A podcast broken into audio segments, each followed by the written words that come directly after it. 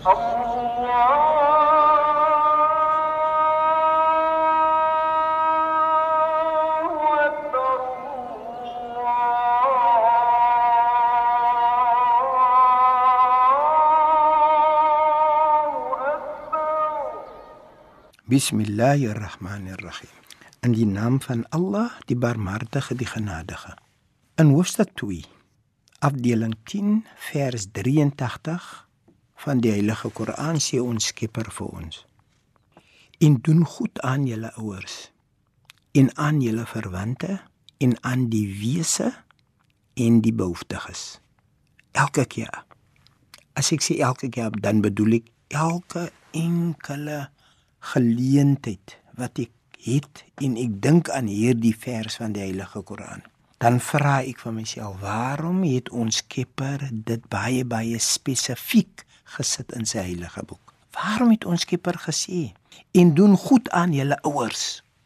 Kom ons los die verwante, kom ons los die weeskin af, kom ons los die behoeftes af. Waarom het ons Skepper gesê en doen goed aan julle ouers? Ek vra daardie vraag want ek vind dit baie baie interessant. Die ouer, hulle het besluit om te trou. En toe het hulle nou 'n seentjie of 'n dogtertjie. En as 'n mens kyk na wat hulle doen. Hulle het seker gemaak dat daardie baba alles het wat vir hom moet maak die persoon wat 'n positiewe rol in die gemeenskap kan speel. En snaaks genoeg. Soos die baba groot word, word die ouer bietjie ouer en hy begin soos die seentjie of die dogtertjie opstaan, is die ouer besig om te dip.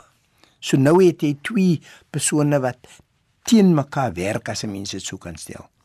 Die seentjie word sterker, die dogtertjie word sterker en die ma of die pa word swakker.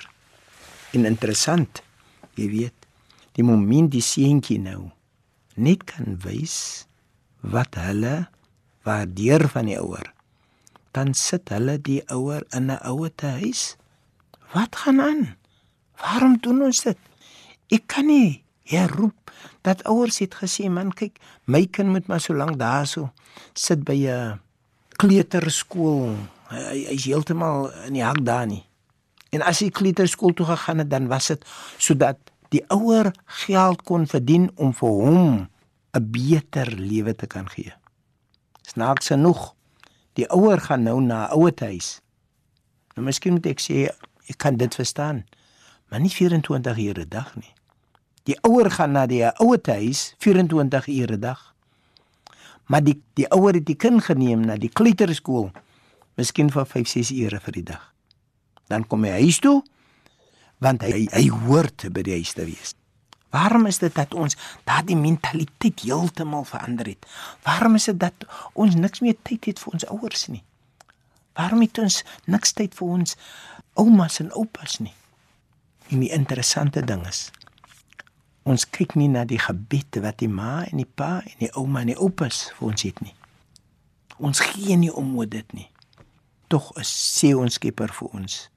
Ons is die persone wat moet bid en ons moet ons Skepper vra en as ons hom vra gaan hy vir ons gee. My liewe vriend, as u deel is van die persone wat die ouer gesit het in 'n ouer huis, onthou nou, hulle het 'n saakie wat sê die wiel dry. Vandag as jy boe, maar onthou nou jy gaan onderkom. En kom ons vra maar dat as jy onder is, dan moet dit dieselfde gevoel wees wat toe jy boe was. Moet jy nie nou seer kry want nou is jy onder vir die eerste keer nie. Kom ons sluit die oë en bid saam. Bismillahirrahmanirrahim. In die naam van Allah, die Barmhartige, die Genadige. Alle lof kom Allah toe. Die Barmhartige, die Genadige, Meester van die oordeelsdag. U alleen aanbid ons en u alleen smeek ons om hulp lei ons op die regte weg. Die weg van hulle aan wie guns bewys het. Nie die weg van hulle op wie toer nie gedaal het of die weg van hulle wat afgedwaal het nie. Walhamdulillahi rabbil alamin. In alle dank en prys kom toe aan U. Allah